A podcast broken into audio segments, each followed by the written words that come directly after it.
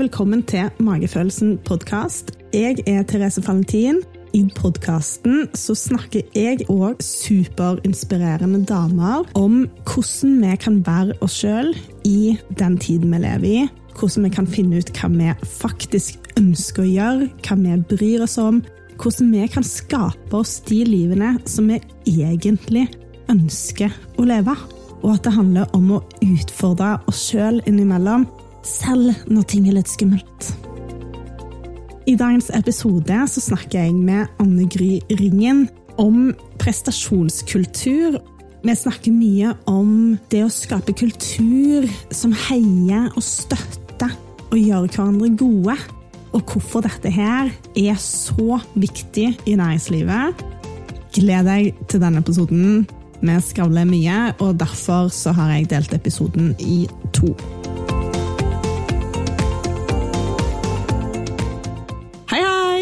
Hei, hei! Så hyggelig at du har lyst til å være med i podkasten. Tusen takk for at jeg har fått komme. Jeg syns jo at det du jobber med, er veldig spennende. Jeg kunne sikkert sagt litt mer, men eh, jeg syns det er best hvis du forteller. Så hva er det egentlig du brenner for? Jeg brenner for at vi skal skape arbeidsplasser hvor folk gleder seg til å gå på jobb. Men den egentlige drivkraften min bak alt dette det er jo det at jeg ønsker å gjøre verden til et bedre sted. og det er liksom uten å høre sånn eh, kumbaya-aktig mm. ut. Men det er det, som, eh, det er det, som, driver meg, og det er det som har mm. drevet meg i alle år som gründer og, og som idrettsutøver. At jeg ønsker å bidra med noe positivt til verden. Så jeg jobber jo i dag som eh, ledelseskonsulent i Code Pink, som er mitt eget selskap. Og der jobber jeg innenfor eh, prestasjonsutvikling, prestasjonsledelse, sikkerhetsledelse, særlig da cyber, og endringsledelse. Jeg ser på dette som kan skape energi og kvalitet i relasjoner på jobb, sånn at det etablerer eller bidrar til å etablere en sunn, fin bedriftskultur. Mm. Så det er det hovedsakelig jeg jobber med. Og den kulturen, den sunne, gode bedriftskulturen, den trenger man uansett om du skal gjennomføre store endringsprosjekter, omstillinger, eller om du skal få på plass en sikkerhetskultur, eller eh, ja, øke egentlig prestasjonene da, til de ansatte. Så det, det, er det jeg jobber med. Dette mm -hmm. syns jeg er veldig spennende, for jeg har selv jobbet mye med endringsledelse og intern utvikling i bedrifter. Ja. Og har jo egentlig konkludert med at for å få til en endring, så er du nødt til å ha med folka. Du er nødt til å ha en kultur som støtter opp om endringen, og sørger både for at folk vet hvem som gjør hva, hvem som har ansvaret, at det er gode informasjonsstrømmer. Og det har jeg ikke alltid opplevd at det har vært. Hvordan opplever du at det er? det mange bedrifter som, som har dette i orden, eller er det et generelt problem? det er et veldig godt spørsmål. Og det er jo sånn at vi vet fra forskning mm. at eh, relasjonsorientering for ledere, eller blant ledere, er viktigere enn mål og oppgaveorientering. Sånn at Det betyr at veldig mange bedrifter i dag de er veldig flinke til å måle KPI-er og gå mm. på, sant, på, på, hvilke mål den ansatte skal oppnå, og ikke fullt like flinke på den relasjonelle biten mellom mennesker, og hvordan det faktisk påvirker prestasjonene eller resultatet til den enkelte medarbeider. Mm. Så for å svare på det spørsmålet Jeg, jeg syns vi har uh, ganske mye å gå på altså, her mm. i, i, Norge. Med å skape en sunn prestasjonskultur eller organisasjonskultur som setter de ansatte egentlig opp til suksess, opp til å få til den type problemstillinger som du beskriver. Overraskende at du sier spesielt her i Norge. Ja. For vi, altså, vi, vi, snakker oss jo veldig opp her i Norge, at vi er veldig flinke, vi tar veldig mm. godt vare på de ansatte. I Norge er det bra å jobbe, liksom. Mm. Har du erfaring med at det faktisk er verre i Norge enn i andre land? Ja, altså du kan si den forskningen som vi bruker, det er jo hovedsakelig tatt på vestlige organisasjoner. Mm. Og så ser vi jo òg på mye av resultatene som ligger ute nå i forhold til hva som skjer i Norge, og særlig etter covid. Så du kan si det at det, ja, det er helt rett i den sammenhengen at vi scorer veldig høyt på at det er work-life balance, og at mm. det er veldig tilrettelagt i forhold til å jobbe her. Mm. Eh, men så scorer vi òg dårlig eller lavt på når det gjelder å være fornøyd på jobben. Så det er ganske typisk eh, for vestlige bedrifter, særlig her i Skandinavia, at vi måler ikke eller får ikke med de parametrene. egentlig. Hva er det som mm. gjør at vi har det bra? Er det fordi vi har ammepauser? Er det fordi at man mm. har eh, fine, fine eller gode tilrettelagte arbeidsdager? Men hvordan har man det mm. egentlig sånn relasjonelt på jobb? Hvor glade mm. er man på jobb? Så de parametrene er ikke alltid like klare her i Norge. Og jeg tenker For min egen del så er jo det å trives på jobb kjempeviktig, og noe som jeg tidvis har slitt litt med. Ja. Og for å være helt ærlig, som er litt tabubelagt. Jeg har snakket litt med venner om dette i det siste, at når du mistrives på en jobb, iallfall hvis du er ung, så kan det være vanskelig å tørre å være ærlig om det. Og det tror jeg sånn, For en arbeidsgiver, hvis jeg var arbeidsgiver, så ville jo jeg helst at mine ansatte skulle vært ærlige at jeg da kan hjelpe de med å få det bra. Burde ikke alle egentlig ville det? Jo, det er jo det som er på en måte den store hemmeligheten. Sant? Hvordan får vi til det? Og det er jo, hvis man ser på de bedriftene og de eh, altså innenfor toppidrett, de som gjør det aller best, de som presterer best i dag. Mm. Så er jo det som går igjen, det er jo dette her med en høy og god kvalitet på relasjoner mellom mm. menneskene, og energi, ikke minst. Mm. Så du kan si at vi vet jo fra forskning at eh, vennskap på jobb det har en veldig god effekt. Det er jo det som faktisk er det viktigste for positive emosjoner i det daglige. Og vi vet at vekst mellom personlige relasjoner er noe som gir livsglede og reduserer sykdommer. Det vet vi også fra forskning. Og at gode relasjoner på jobb gir òg større trivsel. Mm. Og kreativitet og trygghet. Og da blir det lettere å gå løs på krevende utfordringer på jobb. Mm. Type endringer, eller få på plass en ny sikkerhetskultur, mm. eller hva du trenger hjelp til. Og så blir man òg mye mer robust til å takle stress. Mm. Sånn? Gode relasjoner det er altså faktisk nøkkelen til å både ha det bra og gjøre det bra på jobb.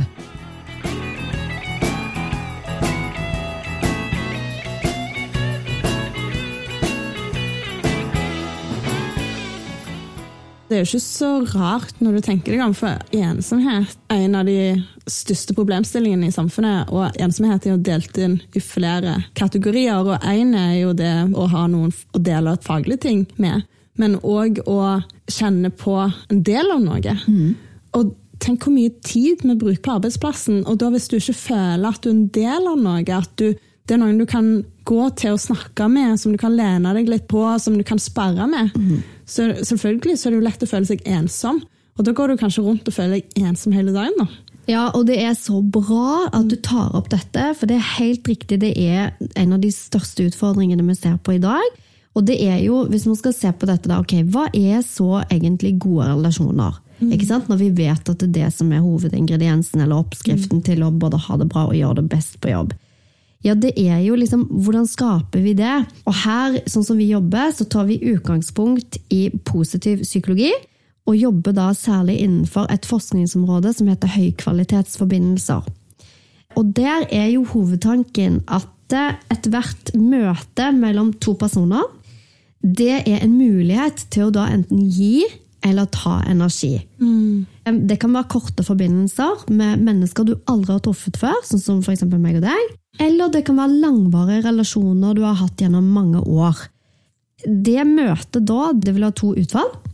Det første utfallet vil være at det er energitappende, det møtet der. Eller det er at det er energigivende eh, og inspirerende og skapende. Og så vet vi da at forskning forteller oss at kategori to, altså det at eh, det er tappende, det er det dessverre det er mest av. Og det er jo det vi trenger minst av. Ja. Så dette her, hvis man får på plass det, så tror jeg mye av det som du beskrev i stad, dette med ensomhet, vil falle bort. Fordi at eh, Hvis jeg skal spørre deg nå, og kanskje òg de som lytter på Hvis du tenker tilbake og igjen, Therese, på de aller kjekkeste kollegaene du har jobba med, og de aller kjekkeste lederne du har jobba med, hva er det som gjorde at eh, du fikk deg til å fryde deg over å være i deres selskap? At jeg kunne være meg sjøl. At de så meg og det jeg var god på, og fikk meg til å bli bedre. Og at jeg følte meg trygg med dem. Det var faktisk to tidligere ledere som jeg, jeg kunne si alt til dem. Og de støtta meg gjennom det, uansett, liksom. Så bra. Takk for at du delte. Det er jo akkurat akkurat det som nettopp går igjen i forskning, som er nøkkelen da til å føle seg både bra og føle seg sett på jobb. Dette er med relasjoner, ikke sant? Så her beskrev du at du følte at du kunne være deg sjøl og snakke om alt, og det betyr at du følte gjerne at du følte deg sett, mm. eh, og at du følte at du ble respektert, og kanskje de hadde et kroppsspråk som var positivt og mm. inviterende. Så, så dette her går veldig mye igjen, og humor går igjen også. Kanskje du har jobba i et team hvor det var mye fliring i rommet. Mm hvor liksom det var høy takhøyde sant, på mm. tulle litt eller ha litt sånn uhøytidelig kappestrid og, og gjøre dette. Hvis man klarer å få til dette her i dagliglivet eller på jobb, så har det òg oppsiktsvekkende resultater, og det er veldig veldig sterkt. Man ser positiv virkning på det umiddelbart, nesten. Mm. Så det man ofte ser mest tydeligst, det er det at positive sosiale interaksjoner det får en direkte innvirkning mm. på f.eks. immunforsvaret. Så hvis du måler om folk går og føler seg litt sånn småforkjøla, sånn, så kan man ofte se et, et direkte utslag på, på det eh, mm. veldig raskt. ja. Og det gir også selvfølgelig gunstige hormonelle effekter. Og så er det jo også at eh, Positive sosiale interaksjoner det er også forbundet med psykologisk trygghet, som igjen påvirker atferden din både på og etter i jobb det skaper òg psykologiske ressurser som gir liksom høyere motivasjon, større engasjement, og skaper jo da denne ekstrainnsatsadferden mm. som man da ser på bedrifter som presterer aller best, og i elitelag eller i gode OL-lag eller for toppidrett. Det gir veldig mening. Jeg var på noe som heter Startup Extreme sist ja. uke. Og der snakket jeg faktisk eh, med flere om dette, for der var det flere som har litt sånn lignende personlighet som meg. Og det er mennesker som kanskje liker å utfordre litt, som tenker nytt, ønsker å skape innovasjon. Og det som veldig mange hadde til felles, er nettopp det at de ikke alltid har følt at det har et rom for å være seg sjøl. At de har vært i organisasjoner hvor de ikke har blitt møtt, hvor de egentlig har blitt veldig mye motarbeida. Og det tenker jeg blir viktigere og viktigere. At du skaper en organisasjon som samarbeider, som ser at det er plass til alle disse ulike rollene. Og tenk hvor dumt det er når så mange som egentlig har så viktige roller for å skape ting i samfunnet, blir holdt igjen. Mm. Jeg har i flere organisasjoner opplevd at den eneste måten å fortsette å være de stillingene på, det er å slutte å være engasjert. Mm. Fordi at det har vært så slitsomt å bry seg. Det blir så tøft, da. Ja, det er så gode poeng, og det er veldig triste poeng. Det er jo eh, dette her med å ikke kunne være seg selv, eller ikke kunne si det du har lyst til å si, og mm. du sitter inne med så mange gode ideer.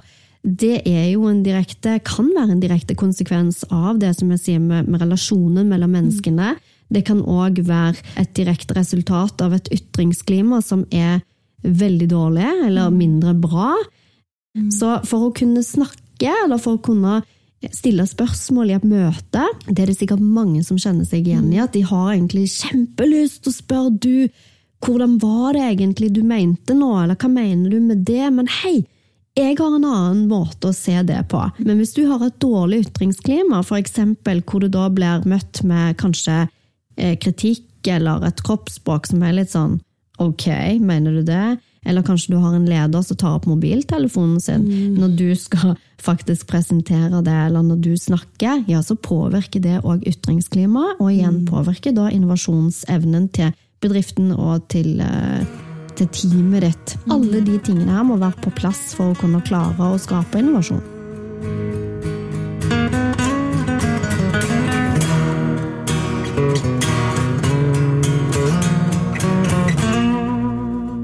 Når du sier prestasjonskultur, hva er det du legger i det? Ja, det er et godt spørsmål, for det kommer jo sikkert an på hvem du spør.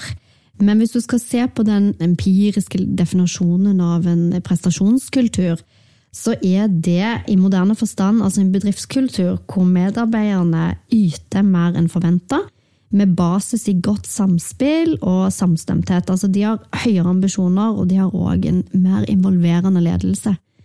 Så det er det som er en prestasjonskultur, og det er det man ser i toppidrett, at du er tett på, og at mennesker har det bra, og du har en veldig involvert trener der. Mm. Olympiatoppen er involvert, og så hele apparatet rundt deg er veldig involvert med hvordan du utfører idretten din. Og bare sånn For å få fram det, så har du litt erfaring fra toppidretten òg. Ja, det har jeg. Så det er derfor du Det er det jeg har. Ja. Det er helt rett. Så jeg er polospiller og sprangrytter. Og det er absolutt til stede rundt mine prestasjoner og det jeg har fått til som, som utøver. Og det hadde jeg aldri fått til hvis ikke vi hadde hatt eh, den type tilnærming som vi mm. har, eh, vi har i dag. Og skandinaverne, det er Norge, er faktisk de beste på dette her. Ja, du vet at det, det, har vært veldig sånn mystisk, og det har vært mange, særlig jeg tror det er New York Times, eh, som har vært veldig sånn interessert og opptatt av hva er det dette lille landet i nord, hva pokker er det de gjør? Som er så ekstraordinært og annerledes, som gjør at de fisker all f.eks. gullet i OL, eller tar mest medaljer i vintersporten. Norge er det landet som har eh, mest medaljer med tanke på innbyggertall. Mm. Suverent mest. Så mm. hva er det vi gjør? Og her kan jo jeg gå on and on and on og snakke om det i mange timer. Men det som man ser, som går hovedsakelig igjen i elitelag og eliteprestasjoner i toppidrett, det er dette med det relasjonelle igjen som jeg er så opptatt av. Mm. Det er den energien og den kvaliteten som finnes mellom utøverne. Mm også på tvers av idrettsgrener. Og det ble jo fasilitert hovedsakelig gjennom Olympiatoppen, som er mm. fantastiske på det. Olympiatoppen er som sånn idrettens nav, hvor utøverne har muligheten til å dele med hverandre sine erfaringer og lære av hverandre. Og Svein Andersen, blant annet, er en som har bidratt med utrolig mye interessant, flott forskning på det feltet. Så for de som er interesserte, bør sjekke ut Svein. Mm, det skal jeg absolutt gjøre. Ja. Men så utrolig spennende. Jeg vet jo at det er veldig bra ledelse innenfor toppidretten. Og det er jo veldig synd at det ikke er mer samarbeid mellom toppidretten og ledelse generelt. Mm. Men det som kanskje overrasket meg litt i det du sa, det var det at du sa at det er liksom mentorstemning internt. fordi at jeg tenker jo egentlig at folk kjempemye. Altså, jeg skal vinne, og meg, meg, meg at jeg kanskje har tenkt at det er litt sånn lignende sånn som det er i en del bedrifter, for der kan det være litt albuing. Men egentlig så er det mye heiing. Det har du helt rett i, og det er jo det som er den store liksom, gullmedaljeoppskriften. Mm. Hvordan i all verden kan man trekke paralleller fra toppidrett til næringslivet? Og det vet vi jo i dag er ganske enkelt å gjøre. Vi jobber jo mye med det på jobb hos meg, at vi, vi, ser om vi bruker liksom, beste praksis og ikke minst forskningen fra toppidrett, mm. som er, har en direkte overføringsverdi til næringsliv. Ta meg tilbake igjen til høykvalitetsforbindelser, altså dette forskningsfeltet som går på at hvis man har på plass gode, gode relasjoner mellom menneskene, hvor mennesker føler seg trygge i hverandres mm. selskap, hvor mennesker gleder seg til å komme på jobb og løse utfordrende oppgaver, så er det òg mye lettere å få til gode resultat. Og det ser vi er det som går igjen òg i toppidretten. Da må jeg bare tilføye at da vet vi for forskning forsvinner den rivaliseringskulturen. Mm man går ifra et rivaliseringsklima til et samarbeidsklima, som er målet. Og så kan man jo ofte tenke hvordan i all verden kan man gjøre det da, hvis man konkurrerer mot hverandre f.eks. på toppidrettslag? Mm. Hvordan gjør man det? For av og til konkurrerer man der òg. Men der viser det igjen at det er, det er fullt mulig mm. å gjøre. At man kan lære av hverandre på den måten heller, og tenke at man tar ansvar for sine egne prestasjoner og for lagets felles prestasjoner. Men det må fasiliteres av en god leder. Det er et lederansvar. Så uten lederen der på lag, så, så kommer man ikke langt. Jeg kjenner ikke til så mange eh, toppidrettsutøvere som har kommet inn i næringslivet, men jeg er veldig fan av Øystein Pettersen. Ja, pølsa, ja. ja. ja, ja, ja. Og, han, og, hans energi. Og faktisk, eh, jeg jobbet en plass hvor de hadde leid inn han til å ha en sånn motivasjonsforedrag hvor jeg endte opp med å si opp jobben etter hans foredrag. men egentlig men så tenkte jeg men så bra for de at jeg tok veien videre, og ikke fortsatte å jobbe når jeg klarte så vidt å holde øynene åpne i sånn ti sekunder. Fordi at han var litt sånn at du vet hva du vil, og du må lytte til din intuisjon. og Det er kun du som kan skape deg det livet som gjør at du har det bra. Og så var jeg litt sånn Fader heller, liksom.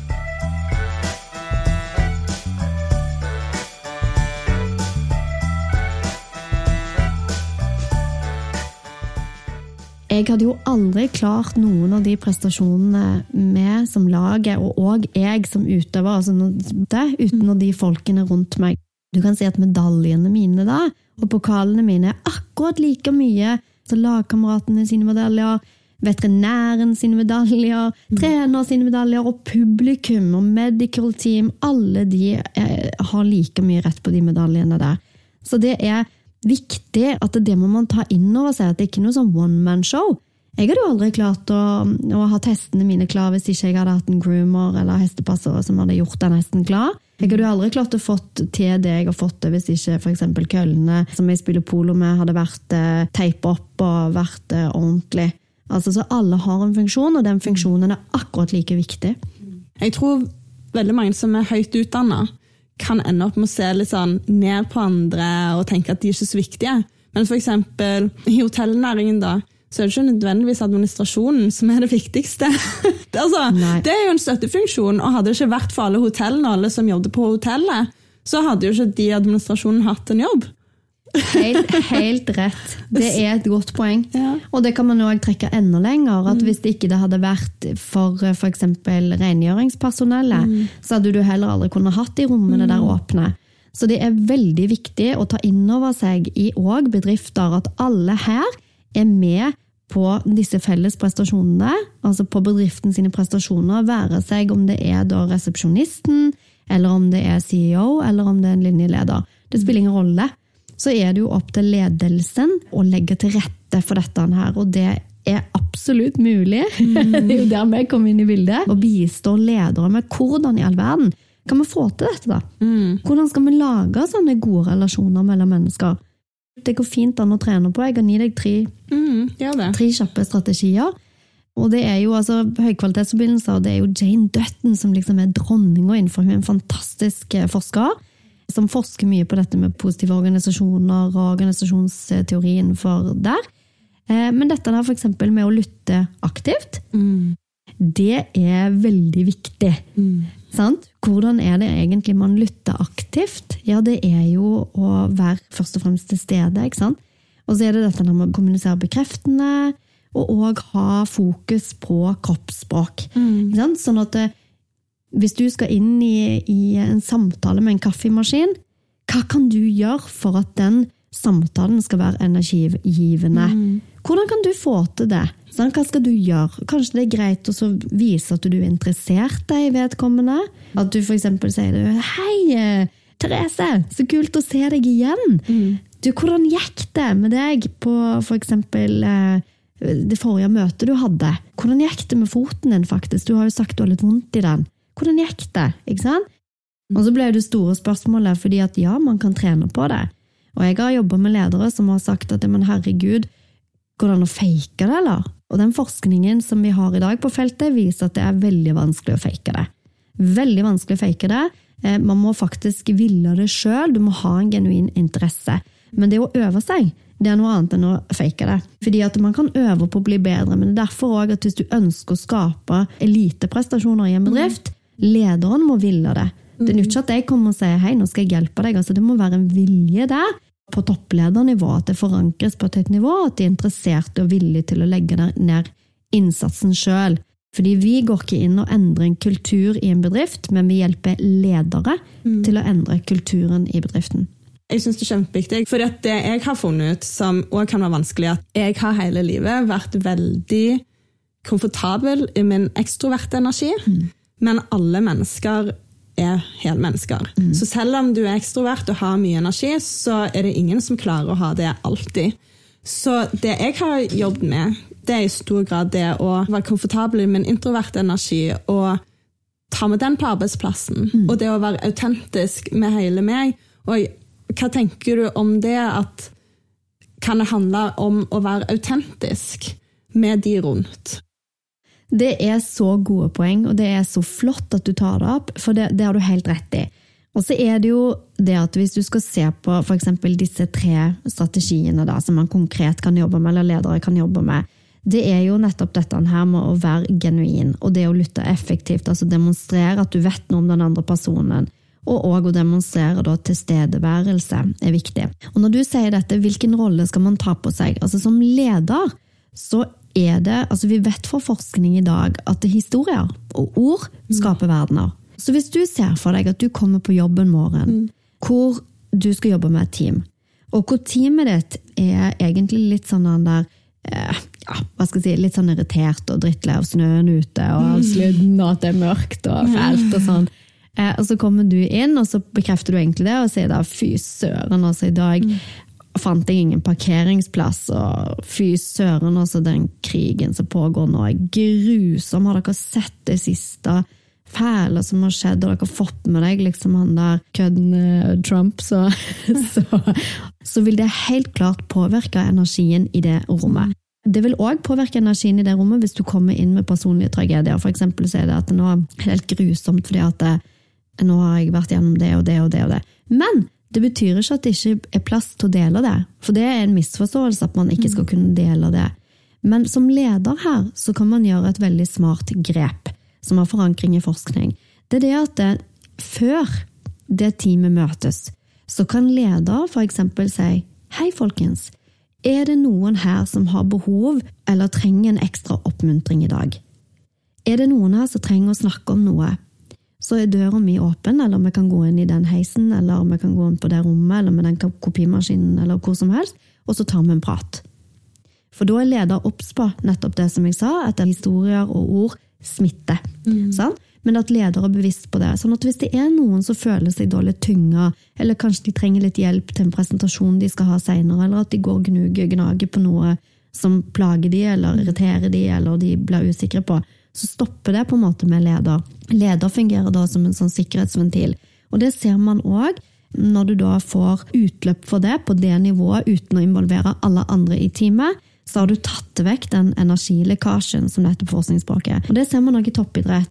Men det betyr ikke at man ikke skal kunne være autentisk og dele og si f.eks. 'pokker og jeg gruer meg til den presentasjonen nå'. Mm. Men at leder er hands on og er bevisste på hvordan dette her påvirker andre mm. mennesker og relasjonene, og i dag igjen energi.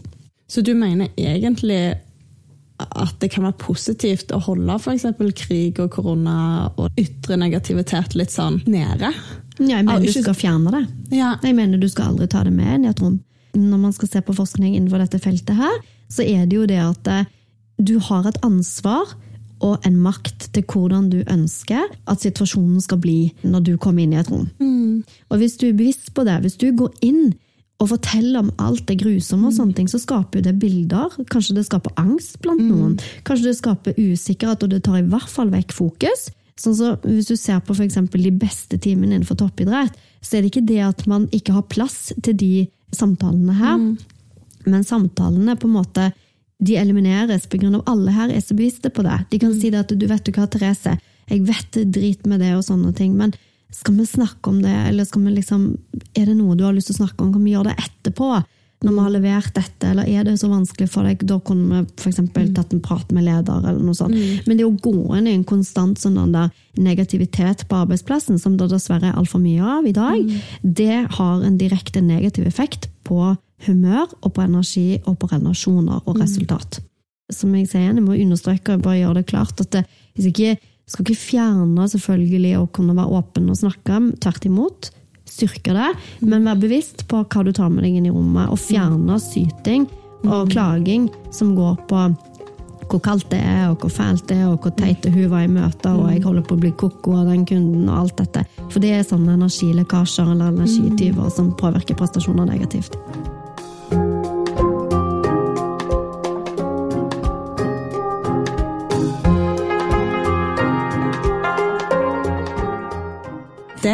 Liker godt med gründere, er egentlig det at de fokuserer så mye på verdiskapning istedenfor å henge seg opp i problemer, sånn som vi ser så mange andre plasser i samfunnet, med f.eks. mediebildet, hvor det er veldig mye negativt som du kan ta med både på arbeidsplassen og inn i samtaler, men som er veldig energitappende, syns jeg. da. Så det er litt godt å, å skjerme seg sjøl egentlig ved å snakke med mennesker som bare er inspirerte og ønsker å skape. da. Ja, for det ser du der i gründermiljøet, at det er mye mer livgivende energi der. Ja, eller for min del iallfall. Alltid når jeg er rundt gründer, så bare blir jeg kjempegira. Det er, akkurat, Ja. det er litt som et adrenalinkick. og jeg bare sånn, å, Det er så mye energi. Og, og jeg tror det er noe vi absolutt kan tenke litt på, hvor vi finner inspirasjon. Og, for at nå etter jeg kom mer inn i gründermiljøet, så merker jeg at det er så mye positiv energi. At jeg bare har så mange spennende samtaler hver eneste uke. Så er det jo mye fælt som skjer i verden, og det er ikke det at vi ikke skal Altså, Ja, vi må anerkjenne det, men hvor stor plass skal det ta i livene våre? Ja, det er jeg helt enig i. Det er viktig å anerkjenne at det skjer, og òg se etter løsninger på å endre det, eller bidra med det du kan. For det er veldig viktig. Men vær bevisst på hvor mye plass det skal få i, i den daglige samtalen din på jobben din. Du kan teste det ut sjøl og gjøre et eksperiment. At, mm. Se på hvordan folkene rundt deg reagerer. Hvis du bestemmer deg for neste uke nå, så skal jeg ikke ta med meg noen negative historier inn i morgenmøtene eller når jeg kommer på jobb. Men jeg skal kun ha fokus på de gode historiene. Fy søren, når det er deilig å gå mot vår. Har dere fått med dere det gøye som skjer der borte? Altså sånne ting. Test det ut, og så kan du ha et sånn lite målingssystem for deg sjøl. At du ser, prøver å lage en logg liksom, på hvordan det vil påvirke de rundt deg. Hjemme òg, for, den- for hvordan du er med partneren din og barna dine. og Ha fokus på gullhistoriene. Gå for de. Altså, det er jo enkelte ting som vi ikke kan påvirke, og da er det noe vi kanskje anerkjenner. Ok, det er ikke noe jeg kan gjøre, og da kanskje det er greit å slippe det litt. Og så er det andre ting, sånn, I går så fikk vi melding om at vi skulle spare vann i Oslo. Ok, Det er kjipt, men hvem er det som jobber med det, da? Og hvem er det som har gode tips til hvordan å gjøre det? Og, og da er jeg liksom gründermiljøet at det er alltid noen som har en idé. For at dette kommer sikkert til å være et problem i mange år. Og da heller tenke hvordan kan du skape noe ut av dette, da? Ja, det er så bra. Det er jeg helt enig med deg i. Det er jo noe av det kjekkeste med å være gründer, men så er det jo, det er jo ikke alltid like kjekt heller. Det er jo mye søvnløse netter, det må jeg jo virkelig innrømme, og det har det vært opp gjennom årene òg. Altså det, det, jo- det å være en gründer er jo en kjempefrihet, og, og samtidig et veldig stort ansvar. Det er ikke for alle å være gründer. Det er en spesiell type mennesker, tror jeg, som trives med det. Og er komfortabel med å stå i dritten av og til. Ja. Ja. Jeg tror det er veldig mange som mistrives på jobb. Ja. Som kanskje, ja, du står litt mer i dritt som gründer og har større ansvar. Men jeg tror òg det tidvis er veldig mye mer givende hvis du finner noe som du virkelig brenner for. Ja, og som du klarer å leve av. Ja. Det. For hvis du har investorer med på laget, så, går, så var ikke det alltid heller. Du må levere resultater. Så det er jo helt klart. Men ja, jeg er så enig med deg, og jeg merker jo det sjøl hver gang jeg setter opp et nytt prosjekt eller noe nytt. Så kommer jo det med en utrolig energi, og har alltid egentlig syntes at det har vært kjempekjekt. Så gøy. Ja.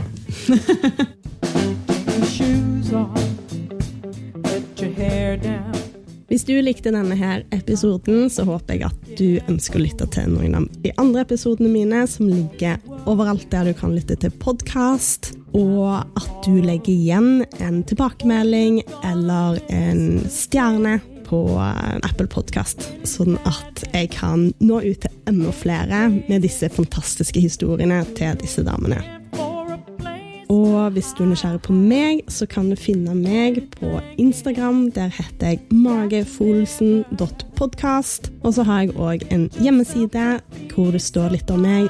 Den heter magefolsen.com. Det var alt for meg i dag. Lag deg den dagen du ønsker å ha i dag, etter de behovene som du faktisk har. Vi snakkes! with your imagination. You